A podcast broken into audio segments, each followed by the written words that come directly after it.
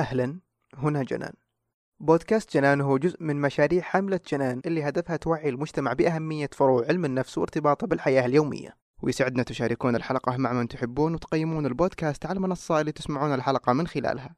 وعشان توصلكم حلقاتنا الجديدة اشتركوا في بودكاست جنان وشاركونا آراءكم على حسابنا على تويتر تلقونا في وصف الحلقة. وعشان ما أطول عليكم يلا نبدأ الحلقة. استنيروا. في عصرنا الحديث ظهر لمعظم إذا مو كل العلوم والمعارف تيارات نقدية من داخلها وهذا بسبب تطور فهمنا للعالم ولأنفسنا كبشر وإدراكنا للأخطاء وجوانب القصور في معارفنا وفهمنا ونتائج دراساتنا وأيضا للشك وإعادة النظر في مساحة تاريخنا الفكري. حلقة اليوم راح نتناول فيها تيار أو مجال في علم النفس تطور في السنوات الأخيرة وهو علم النفس النقدي. من بدايات علم النفس وفي أطروحات ونظريات كانت تنتقد وتضيف لنظريات سابقة لها. الاتجاه النقدي كان موجود من البداية لكن في الستينيات القرن الماضي بدأت تظهر الأصوات الناقدة أكثر وأكثر من داخل علم النفس تحديدا في أمريكا وهذا بالتزامن مع حدوث اضطرابات اجتماعية وسياسية في العالم الغربي. وبدأ من وقتها العلماء يحاولون يعيدون النظر في مسلمات علم النفس وأدوارهم كمختصين. علم النفس النقدي مرتبط بعلم النفس المجتمعي واللي خصصنا له حلقة بالإمكان الاستماع لها تجدون الرابط في الأسفل طيب إيش نقصد بعلم النفس النقدي؟ علم النفس النقدي يعرف بأنه عدد متنوع من المناحي التي تمثل تحديات لمصادرات الاتجاه السائد في علم النفس وقيمه والممارسات العلمية التي تتم من خلاله مما يساعد في استمرار الوضع القائم بما فيه من ظلم وإجحاف. والمقصود بالتيار السائد في علم النفس هو علم النفس كما يمارس في مؤسساته المهنية السائدة وكما يمارسه المتخصصون في مجالات علم النفس. المفهوم العام لعلم النفس النقدي يتضمن كل المناحي التي تنتقد جوهر موضوع علم النفس أو تنتقد المنهج أو تنتقد الممارسات العلمية أو تقدم تقييما نقديا لمركب من هذه العناصر جميعا. فحسب هذا المفهوم يمكننا ملاحظة أطروحات قديمة في علم النفس تتخذ موقف نقدي. كانت محاولة توحيد الجهود تحت تيار نقدي في علم النفس بعد عقد جلسة نقاش في مؤتمر جمعية علم النفس الأمريكية عام 1993 موضوعها هل سيكون على علم النفس الالتفات إلى الانتقادات الراديكالية الموجهة إليه من الداخل؟ حضر هذه الجلسة 24 متخصص نفساني معظمهم من طلاب الدراسات العليا أسسوا معا شبكة علم النفس الراديكالي وهي شبكة على الإنترنت كانت بمثابة تجمع للنفسانيين الذين يتبنون الطرح النقدي في علم النفس. كان لا يتعدى عددهم المئة من كل أنحاء العالم. اعتمدت الشبكة على تداول النشرة البريدية وجماعة المناقشة على الإنترنت. القضايا المحورية التي تشكل قوام اهتمام علم النفس النقدي. يركز التوجه السائد في علم النفس على القيم الفردية بشكل مفرط من خلال التركيز على الفرد أكثر من الجماعة والمجتمع على اتساعه ويهدر بهذا التركيز ما يمكن تحقيقه من التبادلية والنظرة المجتمعية. تسيء افتراضات التيار النقد السائد الضمنية الأساسية وتحالفاته المؤسسية إلى جماعات المستضعفين والمهمشين وتوقع الأذى بهم من خلال تيسير وتسهيل عمليات الجور والاضطهاد وعدم المساواة. تحدث هذه العواقب غير المقبولة بصرف النظر عن أن المقاصد والنيات الفردية أو الجماعية لعلماء علم النفس تناقضها.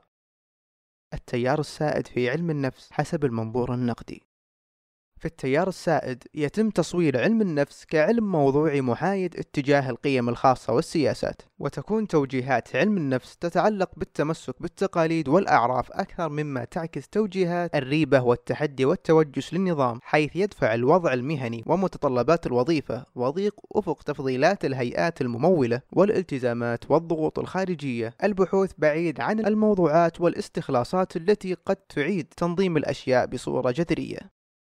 المعايير التي توجه علم النفس والعلوم الأخرى بصفة عامة تعكس قيم واهتمامات مصالح الطبقتين المهنيتين المتوسطة والعليا وخاصة الذكور والبيض.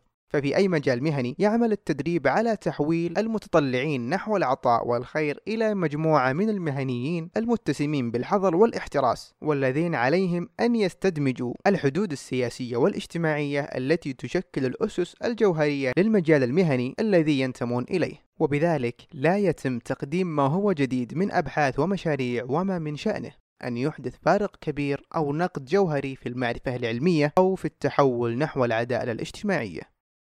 مستوى التحليل مقيد لدى التيار السائد حيث يطغى مستوى التحليل الفردي المحدود وكذلك تغلب النزعة الفردية في تفسير الظواهر مما يؤثر في اختيار مستوى تدخلات فردية قاصرة للأيديولوجيا دور في تدعيم الوضع القائم والادعاء الزائف في علم النفس بالموضوعية والعلمية والحياد السياسي. لا يقتصر الطرح النقدي بفرع من فروع علم النفس بل يشمل كافة الفروع كعلم النفس العيادي المرضي الاجتماعي والصناعي والقياس النفسي إلى آخره.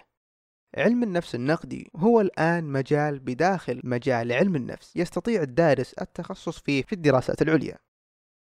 أخذنا نبذة بسيطة عن إيش هو علم النفس النقدي مقارنة بعلم النفس السائد. طيب كيف ينظر الاتجاه النقدي للعلاج النفسي مثلا أو علم النفس العيادي؟ المنظور النقدي لعلم النفس الإكلينيكي. لدى علماء النفس النقدي مشكلة مع إضفاء الطابع الطبي على المعاناة النفسية وذلك من خلال الدليل التشخيصي والإحصائي للاضطرابات النفسية حيث الفئات التشخيصية. في نظرهم أصبح مجال علم النفس الإكلينيكي والطب النفسي مشبعين باللغة الطبية والمصطلحات الطبية مثل مرض وعرض ومريض وانتكاسة وتشخيص وما آل. تصف في نظرهم هذه الأطر البيولوجية الطبية في فهم المعاناة النفسية وتترك على الهامش كل من التاريخ التشخيصي لمن هم يعانون والعلاقات الشخصية والسياق المرتبط بالمشقة والمؤثرات المجتمعية الكبرى والسياسة والمنظومة الثقافية. ويطرحون مثال في هذا السياق دراسة اضطراب كرب ما بعد الصدمة للجنود الأمريكيين بعد حرب فيتنام حيث تم وضع هذه الفئة لتجمع تحتها المشكلات التي أصابت المقاتلين بعد عودتهم من حرب فيتنام. ويذكر أن علماء النفس المشتغلين بمجال الصحة النفسية استمروا لعقود وهم يوجهون أبحاث في تفكيرهم نحو عوامل الخلل الوراثية والنيورولوجية التي تقف وراء اضطراب كرب ما بعد الصدمة. والمراكز التشريحية الدماغية المرتبطة بالاضطراب في مرحلة الطفولة. وانحرفت هذه الاهتمامات الجديدة بالانتباه بعيدا عن خبرات زمن الحرب يعد إضفاء الطابع الطبي على هذا الاضطراب عملية مزدوجة لتسييس التشخيص وطمس التضمينات الأخلاقية للحرب المثيرة بدورها للاضطراب. المنظور النقدي للعلاج النفسي. حسب علم النفس النقدي تسلم مناحي العلاج النفسي التقليدية بأن المشكلات التي تتطلب تدخلا علاجيا هي مشكلات تأتي من داخل الفرد فتكون بؤرة اهتمام المعالج هو التركيز على مساعدة العملاء في التوافق مع ظروف حياتهم أكثر من مساعدتهم في تغيير الظروف التي أسهمت في إيجاد المشكلة. على سبيل المثال ساعات العمل الطويلة التي يطالب بها أصحاب العمل المتسمين بالجشع تكون هي مصدر المشكلة لدى الكثير من العاملين. تشير هذه هذه الصور من مشقة العمل إلى الحاجة إلى إحداث تغييرات هيكلية في مؤسسات العمل والأسرة ومع ذلك يعتبر المعالج مشكلة العمل مشكلة فردية فتكون التدخلات من قبيل التدريب على إدارة الوقت والاسترخاء والتأمل. والمعالجين الذين يعملون مع الأزواج يسلمون بأنه لا يمكن أن يكون هناك خطأ في مؤسسة الزواج كمؤسسة اجتماعية. في حين يلجأ زوجان في طلب المساعدة يسلم المعالج بالتبعية بأن الخطأ يكمن في أحد الشريكين مع تجاهل بأن مؤسسة الزواج تحولت لعبء نتيجة المطالب الرومانسية التي يتوقع من الزواج تحقيقها. يعتبر العلاج الأسري أحد البدائل الرائدة التي تقدم تدخلات لا تقتصر على الفرد فقط واتسع بها منظور العلاج. يرى النقديون أن العلاج النفسي الرسمي ليس هو النوع الوحيد فقط من المساعدة الذي يمكن أن يقدمه الاختصاص النفسي لمن يعيش تحت وطأة المشقة ويتطلع بعض الاختصاصيين إلى ما هو أبعد متجهين نحو الجهود العلاجية المتمركزة حول المجتمع لتغيير معيشة الأفراد الذين يعانون المشقة النفسية. وأحد الأمثلة على هذا هو علم النفس المجتمعي الذي تمتد جذوره إلى حركة الصحة النفسية المجتمعية في ستينيات القرن الماضي. أيضا مجال الخدمة النفسية الاجتماعية الذي نشأ بالمعاناة النفسية الناجمة عن ظروف سياسية واجتماعية والذي تم تطويره عن طريق ناشطين يسعون إلى مساعدة المتضررين من الحروب والتطهير العرقي والهجرة القسرية والدول الراعية للعنف والإرهاب وضحايا الكوارث الطبيعية.